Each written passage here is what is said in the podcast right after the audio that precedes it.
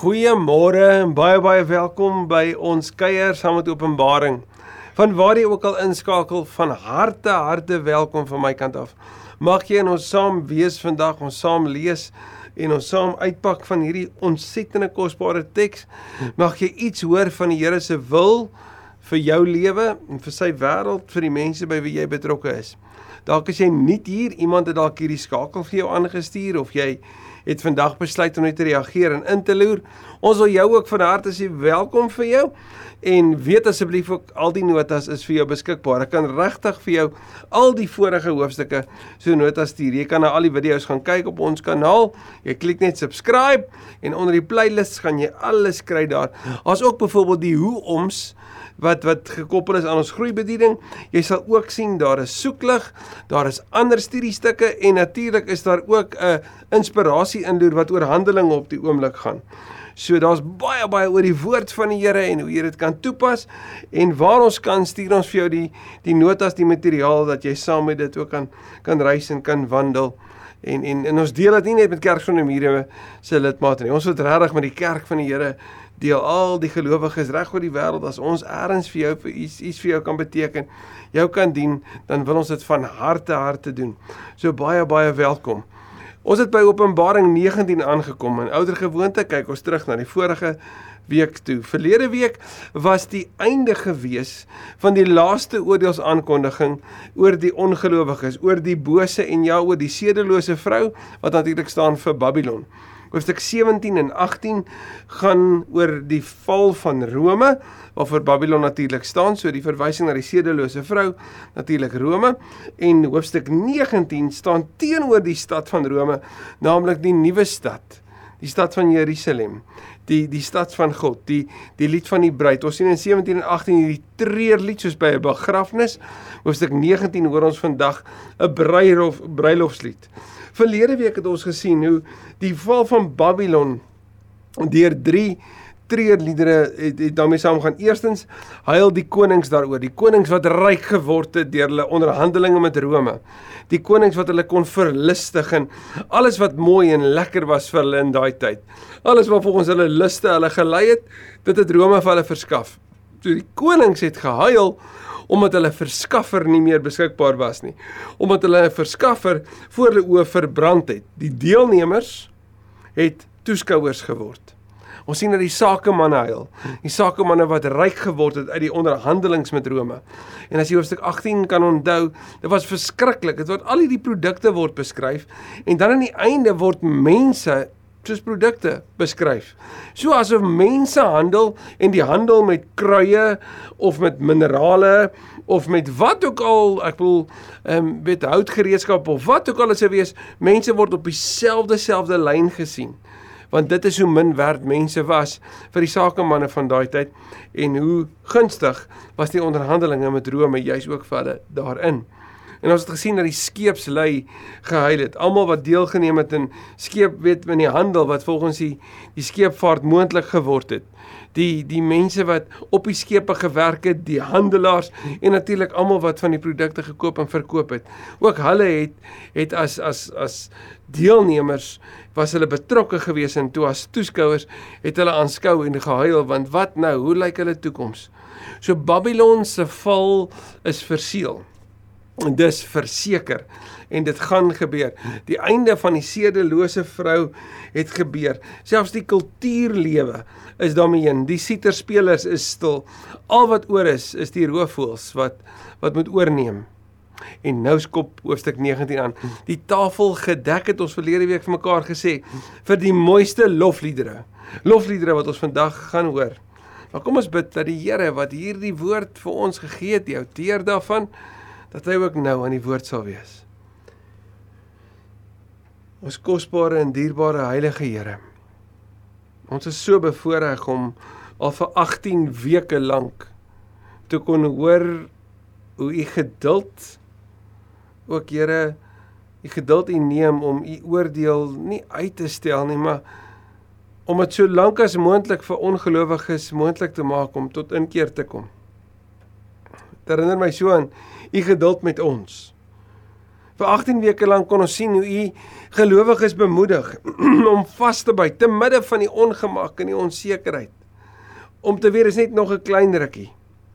Vir 18 weke lank kon ons hoor hoe te midde van die onstuimigheid van die wêreld u vir u kinders sê maar onthou mooi, jy het my naam oor jou lewe geskrywe. Jy's gemerk. Jy behoort aan my. Ek gaan vir die wêreld sê dat ek jou liefhet. En vandag hoor ons Here dat U vir die U kinders, vir U kerk sê, maar onthou jy's my bruid. Mag ons Here ook in hierdie dag en hierdie hoofstuk die die oorweldigende diep betekenis wat daarin is vir ons, mag ons dit aangryp. Oorweldigend want dit gaan ons gedagtes oorweldig. Maar mag U liefde ook ons harte oorweldig. Soveel sodat ons nie anders kan as om oor te gee nie. En dis die Here dit gaan regtig alles net oor U. Kom doen dit asseblief. Ek bid dit in Jesus se naam. Amen. Amen. Treurie, treurlied van hoofstuk 18. Begin ons met die eerste woorde in die opskrif van hoofstuk 19: Vreugde in die hemel. Hierna het ek iets gehoor soos die harde geluid van 'n groot menigte in die hemel wat uitroep. Nou Openbaring 4 en 5 beskryf hierdie groot menigtes, nê? Nee? Beskryf hierdie massa klanke wat soos watermassas klink. Dit het die kleur beskryf in hierdie 28 groote orkes, die die 24 ouderlinge en die vier lewende wesens en toe hierdie duisende der duisende engele wat om die troon staan en in die Here se lof besing. So hierdie klank is weer aan die aan die woord en hier is hierdie harde geluid van 'n groot menigte. En wat sê hierdie geluid? prys die Here. In die Hebreë sou dit wees haleluja. Direk vertaal met prys Jahwe. Eer aan die Here. Gaan kyk op Psalm 134 vers 1, Psalm 135 vers 1 en natuurlik al die Hillel psalms, die lofpsalms, Psalm 113 tot 118 wat ook so deel uitgemaak het van die van die Paastyd hoe die Here besing word. Wel, hierdie is deel daarvan. En wat sing hulle? Die oorwinning en heerlikheid en die mag behoort aan ons God. Christus Victor. Jesus die Here, die oorwinning is syne teenoor die keisers wat gedink het dat hulle wen. Dat hulle gedink het dat deur ander lande in te neem, is hulle die oorwinnaars. Kon hulle hulle mag misbruik, kon hulle die handel misbruik, kon hulle mense hanteer soos soos produkte en verkoop en verkoop asof hulle kommoditeite is. Teenoor dit is Christus op die troon is Christus die oorwinnaar en word dit aangekondig met die woorde prys die Here vers 2 regverdig en reg is sy oordeel. Hierdie woorde regverdig en reg is twee baie bekende en belangrike Griekse woorde.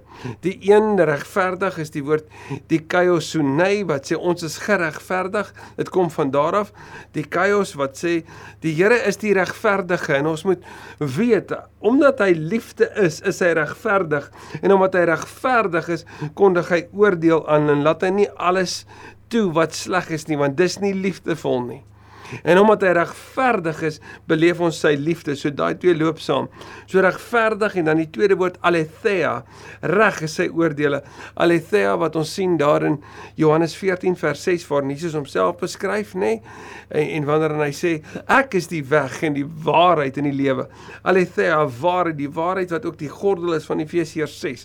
Wat wat Christus se opstanding as dit ware wat alles aan mekaar hou, soos die gordel, die waarheid, want die waarheid is 'n persoon Jesus is die Here en daarom regverdig en reg is sy oordeele. Ons sien in Openbaring 4 en 5 hy's die koning op die troon. Hy's die lam langs die langs die koning was hy plek op die troon langs die langs die Vader ingeneem het en hulle kondig oordeel aan oor die bose. Daarom lof aan hom want hy die oordeel voltrek. Sien maar weer net 16 vers 7 en 17 vers 16 oor die sedelose vrou oor Babylon wat die aarde deur haar onseerlikheid verwoes het. Hy het die dood van sy dienaars op haar gewreek. Onthou jy hoofstuk 6 vers 10 waar die martelare bid: "Ag Here, hoe lank nog? Hoe lank nog voordat U die oordeel voltrek oor oor die mense wat U kinders so te nakom? Hoe lank nog?" En dan antwoord die Here in Openbaring 6: "Nog net 'n klein rukkie." En hier in hoofstuk 19 sien ek en jy dit het gebeur. Die Here het sy oordeel voltrek dis klaar. Verder het hulle uitgeroep: "Prys die Here! Haar rook styg op tot in alle ewigheid." Hoe interessant en ironies die vreugde in die hemel en die verdriet op aarde. Prys die Here! Haar rook styg op, die oordeel is voltrek. Die 24 ouderlinge wat as ek jou net weer herinner aan Openbaring 4, Openbaring 5 is natuurlik die die ganse kerk, die kerk van die Ou Testament en die kerk van die Nuwe Testament, 12 apostels en die en natuurlik die 12 stamme van Israel so bymekaar, die ganse kerk, al die gelowiges wat verteenwoordig word deur hulle, die 24 ouderlinge en die vier lewende wesens, die vier lewende wesens natuurlik die wilde diere, die magdiere, die voëls en die mens, almal so verteenwoordig deur hierdie vier lewende wesens. Hulle het geskniel en, ges en God aanbid wat op die troon sit. En is so so belangrik hierdie houding van aanbidding is waar die ganse skepping voor God kniel want dis wat die 24 ouderlinge en die vier lewende wesens verteenwoordig. 'n houding van aanbidding voor die Here. En hulle het gesê net soos ons gelees het in hoofstuk 4 en hoofstuk 5 amen. Prys die Here. Amen hierdie woord wat wat dui op sekerheid. Ons kan dit verseker weet. Amen dit is waar. Ons sien maar Johannes 10 vers 7 en 1 Korintiërs 14 vers 16 waar hierdie woord ook gebruik word om te sê dit is verseker so. Amen. Laat dit so wees. Prys die Here. Ek lees graag vir ons hierdie voetnota. Saam met die oorwinnende gelowiges in die hemel en die op aarde sing ons haleluja omdat God God is. Ons huidige bestaan sluit steeds slaggate op 'n sinkplaatpad in. Maar ons leef met die wete dat die aankoms gewaarborg is en ons moet so lank oefen aan die haleluja lied saam met die lam op Sionsberg. Jan die rand se woorde. Vers 5. Toe daar 'n stem van die troon af gekom wat gesê het en hierdie stem klink soos 'n aankondiger 'n aankondiger by die bruilof. Nou, nou ek en jy was al seker by troues gewees waar die seremoniemeester sou sê: "Dames en here, ek bied aan julle meneer en mevrou." Maar ek en jy was waarskynlik ook al in tonele gewees waarin die die persoon wat verskyn se lof besing word. Om te sê hierdie persoon is die is so en so hy kom van daar af dit is hoe belangrik hy is dit is die mense onder sy on weet um, in sy bevel of wat ook al en en so word die persoon se lof besing en uiteindelik dan reageer die skare met 'n handeklap of 'n groot gejuig van welkom. Wel iets daarvan gebeur hier wanneer die aankondiger van die troon af sê loof ons God al sy dienaars die wat hom vrees klein en groot hoekom moet God gevrees word Johan Heinz, die baie bekende prof wat vir jare daar op Tuks was, het gesê God is die gans andere. God sondig nie. Daarom is dit wat God doen, dit wat die mens nie aan gebonde is nie. Die mens kan nie dit doen wat God doen nie, want die mens is nie God nie. God word gevrees omdat God magtig en heilig en groot is. Die mens kan hom daarom glad nie in mense woorde probeer uitdruk teenoor God nie, behalwe om te sê U is God en ek is nie. Die mens kan homself ook nie verwittig soos wat jy baie ongelowiges sien doen en sê, maar hoe kan God alle eer vir homself wil hê? En daardie probeer sê God is een of ander vorm van 'n narcis wat wat dit net oor homself maak nie. Want dit is 'n menslike, gebroke, baie sondige, baie naïewe, baie kortsigtige manier om God te probeer beskryf. God is die gans andere. Hy is heilig.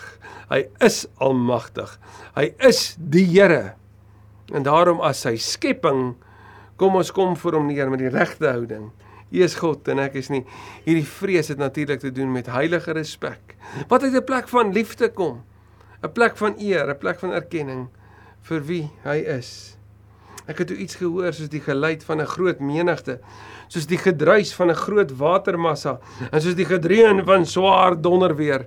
Hierdie deurlopende tema van die natuurkragte in Openbaring hoor ons weer hierin wat iets kom sê van die magtige koning is hier.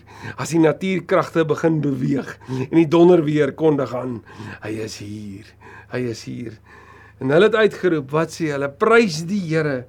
Die Here ons God, die almagtige heers nou as koning. Hoor mooi hierdie woorde. Prys die Here ons God, die almagtige ons koning. Hy's so gans anders hierdie met respek nee, ek hoef nie met respek sê nie. Hierdie pipskoei keizertjies van Rome. Hy is God, die almagtige. Hy heers as koning. Laat ons bly wees en juig, net soos by 'n bruilof wanneer iemand 'n beker sou optel en sê, "Laat ons bly wees en juig want die fees het begin." dat ons bly wees en juig en aan hom eer gee. En hoor mooi, want die bruilof van die lam het aangebreek. Kan jy dit hoor? Kan jy die feestelike klanke hoor van almal in die omgewing? Nou, kom ons stop net vinnig hier. Openingstoneel van die Bybel, 'n troue. Slottoneel van die Ou Testament, Maleagi wat praat oor die huwelik. Openingstoneel van die Nuwe Testament, eerste wonderwerk wat Jesus doen, 'n troue, daar verander hy water in wyn en kondig Johannes aan net daarna Die bruidegom is hier. Slottoneel van die Bybel. 'n Troue. Die bruilof. Die groot aankondiging. Die bruidegom is hier. Die bruilof van die lam het aangebreek en hoor mooi en sy bruid het haar daarvoor gereed gemaak. Teenoor die prostituut wat haar voorgedoen het as 'n koningin in hoofstuk 17 en 18 verskyn die bruid wat haarself gereed gemaak het nou in die tyd van die Bybel sou 'n bruidegom vir die bruid gevra het om te trou. En sy sou geantwoord het hierdie beker te neem en 'n sluk te neem. Nadat hy sê ek aanvaar dit wat jy bied, dit wat jy vir my gee. En dan sou hy vir haar gesê het ek gaan vir jou plek gereed te maak. En as ek klaar is, kom ek jou haal. En dan gaan hy na sy pa se huis toe en bou hy aan sy pa se huis 'n woning waar hulle sou tuis gaan. En as hy klaar is, sou hy terugkom. Intussen tyd is sy en haar ouers besig, haar familie, haar, haar moeder en en haar en haar, haar susters, en haar vriendinne, almal besig om voor te berei vir die bruilof. Hulle het nie wedding coordinators gehad soos wat ons dit vandag het nie. Hulle het nie mense gehad wat hulle kon in hier om doilies te bring of wat ook al nodig is om om 'n troue mooi op te dul nie. Nee, wat hulle gedoen, hulle het alles self met die hand gemaak. En wanneer die tyd reg is, het die bruidegom gekom met 'n gejuig met al sy mense met fakkels en klank en en opgewondenheid sal hy in die aand by die huis van haar pa aankom en dan sal hy vir haar sê ek het gegaan om vir ons 'n plek gereed te maak in die huis van my pa, is 'n baie woonplek. En nou het ek gekom om jou te kom haal sodat jy kan weet waar ek is. Onthou jy dis Johannes 14 se woorde. Wel, die bruid is gereed die bruilof vir die plek voorberei. En nou het die geleentheid aangebreek aangebreek. Die fees der feeste van alle tye. Die bruid het haar daarvoor voorberei. Sy is gereed. Vers 8: God het haar vergun om fyn, helder, blink klere aan te trek. Die klere van 'n bruid is altyd fyn, nê? Jy kan dit so onderskei van al die ander gaste. Sy lyk gans anders as hulle. Ons hoor sy het fyn, helder, blink klere aan en dan beskryf Johannes waar dit vandaan kom. Hierdie fyn klere is die regverdige dade van die gelowiges. Hoor jy hoe kondig die die aankondiger haar aan? Hier's die bruid. En sy het fyn, helder, blink klere aan. En waar het sy hierdie klere gekry? Deur haar dade wat sy gedoen het. Sien vir die gelowiges van van van Patmos se skrywer Johannes wat daarna geluister het, sou hulle hoor, maar hierdie dade wat ons doen te midde van die ongemak, te midde van die onsekerheid, te midde van die verwerping, binne in ons armoede, binne ons beperktheid, binne al die ongemaklike omstandighede, dit wat alles so teen ons is, hierdie goedheid wat ons doen, hierdie om daar te wees waar nood is, waar uitdagings is, waar waar mense Jesus so nodig het om aan te hou om te verkondig al hierdie goeie dade wat ons doen omdat ons lief is vir die Here, nie sodat hy vir ons lief is nie. Dis alles maniere hoe ons onsself voorberei om ons bruidskleed aan te trek. Want dis fyn en dis helder en is blink. Ons het vroeër gesien wanneer is rein gewas in die bloed van die lam. So die dade wat wat ons doen vorm ons. Dit vorm ons sodat ons kan in gereedheid kom wanneer ons die bruidegom van aangesig tot aangesig aanskou. En hoor mooi, hierdie dade word nie gedoen sodat hy ons liefhet nie. Maar dit word gedoen omdat hy ons liefhet. En dit berei ons voor om saam met hom te wees. Toe sê die engel, hierdie aankondiger vir my, skryf op. Geseënd is hulle wat na die bruilofsmaal van die lam uitgenooi is. Dit is so interessant dat Openbaring twee beelde hier bymekaar bring. Want sien, jy word genooi in hoofstuk 22 eindig ook hiermee. Gaan nooi almal, die bruid sê kom. En sodra jy opdaag by hierdie bruilof, dan hoor jy maar jy's ook een. Jy's nie 'n gas by hierdie troue nie. Jy's die bruid self. Want as jy geantwoord het en jy het voorberei en jy het opgedaag, is jy nie net gas nie, jy's bruid. Jy's bruid by hierdie troue. Jy's een, jy's die een vir wie die fees gereël is. Verder sê hy vir my, dit is die woorde van God en hulle is waar en by herhaaldelike kere hoor ons hierdie in Johannes in Johannes se woorde. Die woorde wat hy hoor is waar. Die woorde wat hy neerskryf kom van God af. Toe het ek voor sy voete op my knieë neergeval om hom te aanbid. Soos of Johannes sê, maar dit is net te groot en te wonderlik. Dit is so so so spesiaal. Maar hoor wat sê die engel? Pas op. Moenie sê hy vir my. So hierdie is 'n gewone engel. Hierdie is nie Jesus homself nie. Want Jesus is die bruidegom. Hy sê ek is 'n mededienaar van jou. Ek is 'n soendilos, soendilos. Ek is een soos jy, ek dien. En hoe kyk mooi wat sê hy? Ek's 'n mededienaar van jou en van jou medegelowiges. Ek is 'n mededienaar.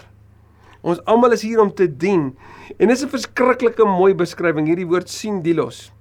Want ons sien die woord doulos wat slaaf is. Die woord in die Griek sien is die voorvoegsel wat sê ek is 'n saamslaaf.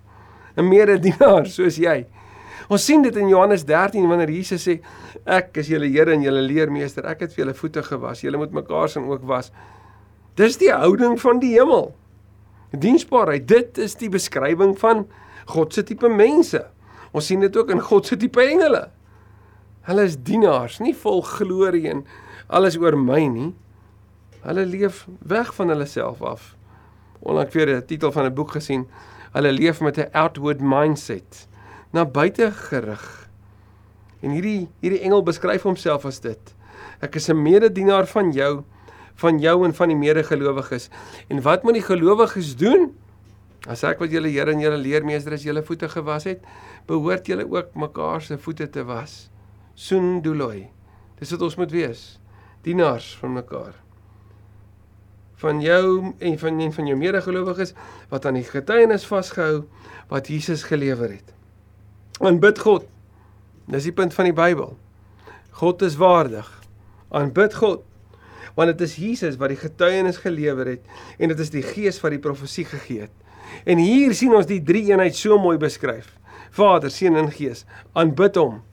Jesus het daaroor getuig en die Gees het die profesie daaroor gegee toe het ek gesien die hemel is oop. Nou tot en met nou het ek en jy gesien dat die hemel op 'n stadium toe was, nê? Nee?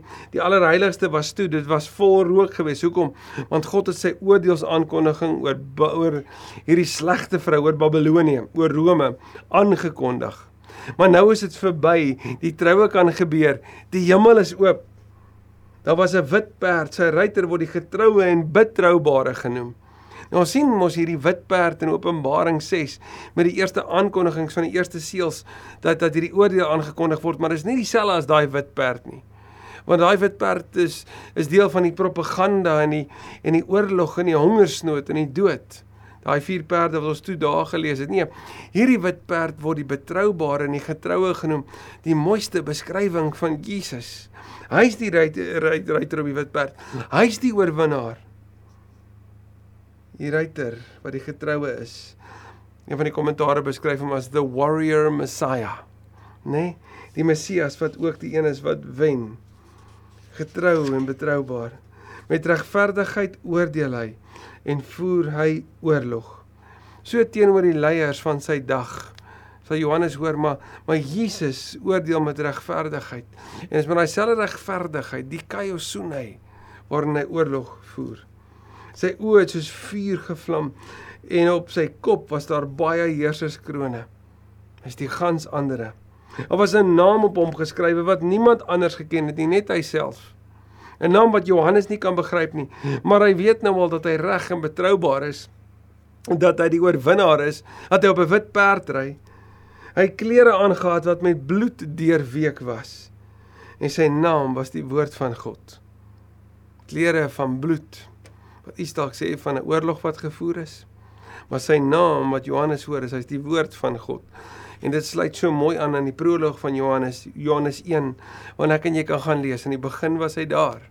Alles het deur hom tot stand gekom. Nie enkele ding het sonder hom tot stand gekom nie want aan die begin was die woord en die woord was God en die woord was by God. En die woord is Jesus. Gaan lees asseblief Kolossense 1 vers 15 tot 20 vir meer oor Jesus wat die beginpunt van die skepping is, wat die doel van die skepping is want alles beweeg na hom toe en dat die ganse skepping aan hom eer sal bring want hy het vrede herstel. Deur sy koms na die aarde toe deur die prys te betaal, het hy die vrede herstel. Die leers van die eh, in die hemel het op wit perde agter hom aangery. Hierdie triambos waarvan Kolossense 2 praat, hierdie oorwinningstog. So sien jy daar's nêrens 'n uh, op tot op Here 'n uh, 'n oorlog wat gevoer is nie. Ons sien dat die lam is deurweek met bloed want natuurlik aan die kruis het hy die oorwinning behaal, hy die prys met sy bloed betaal. Hy's op 'n wit perd en die leers is agter hom op wit perde en dit op die rug van 'n bruilof wat gebeur. Fyn welder wit klere het hulle aangetree. Hy sê mond het daar 'n skerp swaard uitgekom om die nasies mee te tref. Nou Hebreërs 4 vers 12 praat oor die woord as 'n tweesnydende swaard wat skerp is. Jesus is die woord. En hy sal met 'n eystersepter regeer. Hy sal self die paskyp trap vir die wyn, die wyn van die troon, toorn en die oordeel van God die Almagtige. In ons hoofstuk 12 en 13 ook hieroor gelees die die parskyp wat eintlik veronderstel was om 'n fees te wees waar die wyn plat getrap en dan die druiwe plat getrap en die wyn uitgeloop het. Hier word gesê nee, God se oordeel is sodat die bloed wat gaan uitloop is is wanneer die bose oorwin is. In die parskyp van sy oordeel sal dit uitloop. Op sy klere by sy heupe was daar 'n naam geskryf en wie is hy? Hy's die koning van die konings en die Here van die heersers vir almal om te sien. Soos die keisers van Rome wat hulle bekende name vir almal gewys het hier op die heupe wanneer hulle deur gery het op die perde na na hulle hulle triomftogte. Kom die groot groot Here van die Here en die heersers van die heersers op sy wit perd met 'n naam vir almal om te sien, koning van die konings en heerser van die heersers. Soos Filippense 2 sê, elke knie buig en elke tong bely hy is die Here. Toe het ek 'n engel by die son sien staan. Hy het met 'n harde stem uitgeroep en vir die, al die roofvoëls wat hoog in die lug vlieg gesê: "Kom, kom by mekaar vir die groot feesmaal wat God gereed gemaak het." Nou het ons iets van hierdie banale feesmaal gelees in die oordeelsaankondiging hoofstuk 12 en 13. Waar God sê wanneer dit verby is, gaan kyk maar verder van hoofstuk 12 af verder. Gaan daar hierdie hierdie hierdie leesstad wees. Ons het dit ook gesien in in hoofstuk 17 hierdie leesstad wees waar daar niks meer oor is nie. Geen kultuur nie, geen musiek nie, geen klank nie, geen fees nie. Nee, wat ons gaan sien is dood. Hoofstuk 18 het ook iets daarvan beskryf. Al wat gaan oorbly is roofvoëls. Geen lewe gaan met daar wees nie. God sê kom kom hierdie vleis van die konings, die vleis van die opperbevelvoerders. Hierdie woord opperbevelvoerders is die die leiers oor 1000 die vleis van die magtiges en die vleis van die perde en al ruiters ja die vleis van allerlei mense vryes en slawe klein en groot. Hierdie banale feesmaal oor die donker. En God sê kom dis verby. Die bose is verwoes. Kom en deel in daai maal Toe het ek gesien dat die diere en die konings van die aarde al leers bymekaar gekom het om oorlog te maak teen die ruiter op die wit perd en teen sy leer.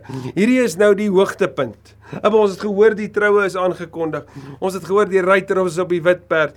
Ek bedoel die bruidegom van die bruid is voor. En en en die Here kondig oordeel aan. Maar hier kom die leers nou. Ek bedoel die leers waarvan ons sien dat van hulle wat uitkom soos paddas klink. Onthou jy? Wat gaan nou gebeur? Die hoogtepunt. Is dit Armageddon? Gaan hierdie oorlog gebeur? Wie gaan wen? Hoeveel bloed gaan vergiet word? Da da da da. Vers 20. Die dier is toe gevange geneem en saam met hom ook die valse profeet. Onthou jy hierdie dier wat staan vir die Romeinse ryk en die valse profeet staan vir die vir die keisers se priesters wat met hulle tempel dienste gesorg het dat die Romeinse keisers vereer is en geloof is en as gode aanbid is. So hier sien jy Rome, die sedelose vrou bymekaar wat ingeneem word, weggeneem word. Daar's nie oorlog nie. Jy kan sê hulle meld aan om weggeneem te word. Met groot gejuig het hulle daar aangekom, aangekondig dat hulle gaan kom oorwin. En daar's niks. Want hulle het niks. Die dier is toe gevange geneem en saam met hom ook die valse profete wat die wondertekens vir die dier gedoen het. En daarmee die mense mislei het wat die merk van die dier aanvaar en sy beeld aanbid het. Hulle twee is lewend in die vuurpoel gegooi en met swaal verbrand. Nou hierdie vuurpoel in Matteus 5:22 is die woord Gehenna of dui op die woord Gehenna wat die die die so 'n uh, 'n verskriklike mishoop was buitekant Jerusalem wat smeulend was waar daar soms selfs mense in hulle lyke gegooi is om te brand. 'n baie bekende wrede toneel buite Jerusalem. Waar iets daarvan oor ons hier en hulle is in die vuurpoel gegooi. In kort die Romeinse ryk en die priesterdom op hierdie laer vlak val. Op die hoër vlak die bose vernietig verby in die vuurpoel gegooi. Waarvan hulle hulle vandaan gekom het daar word hulle terugheen gestuur die ander mense is doodgemaak met die swaard wat uitgegaan het uit die mond van die ruiter op die wit perd. En al die roofvoëls het hulle dik geëet aan die vleis. Al wat oorgebly het van 'n tipiese oorlogstoneel in die Bybel was die dooie lyke wat gelê het en die roofvoëls wat gekom het om dit wat oor is as buit te neem. Om dit te byt om om letterlik dit te verslind. Die toneel van Openbaring 19 is die bruilof is hier. Die lam het oorwin, die bose is verby. Dis klaar, dis gedoen. Daarom kan ek en jy regtig vashou in 1 Johannes 4:4. Hy wat in my is, is groter as hy wat in die wêreld is. Daarom kan ons vashou in 2 Timoteus 1:7. Die Gees wat die Here vir ons gee, vul ons nie met vrees nie, maar met liefde, krag en selfbeheersing. Hoekom kan ons so leef? Want Jesus het opgestaan. Hy het opgevaar.